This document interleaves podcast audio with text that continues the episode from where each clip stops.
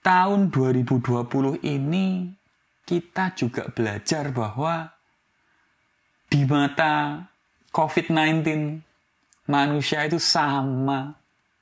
Sama-sama bisa jadi target. Sama-sama bisa jadi sasaran untuk berkembang biak. Nggak peduli seseorang itu agamanya A atau agamanya B, agamanya C, bertuhan atau nggak bertuhan, sikat.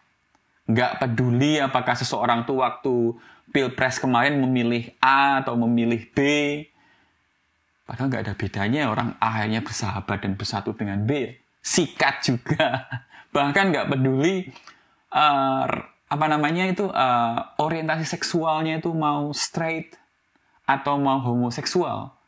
Sikat juga di mata COVID. Tubuh manusia itu ya ya jadi sasaran untuk berkembang biak.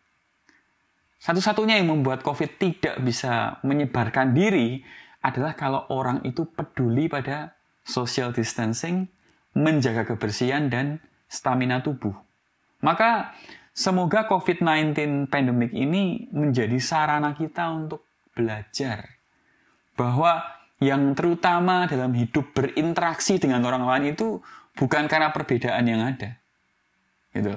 Perbedaan, terutama perbedaan-perbedaan yang sifatnya uh, elementer, sifatnya fundamental, itu nggak bisa dijadikan senjata untuk kita mengeksklusifkan diri ataupun menekan dan menghakimi orang lain. Yang diperlukan adalah bagaimana kita bisa memberikan kontribusi positif kepada masyarakat, kepada hidup, kepada lingkungan sekitar kita. Karena dengan begitu, secara nggak langsung kita telah menjalankan perintah Tuhan untuk menggunakan talenta, kekuatan dan waktu yang diberikan.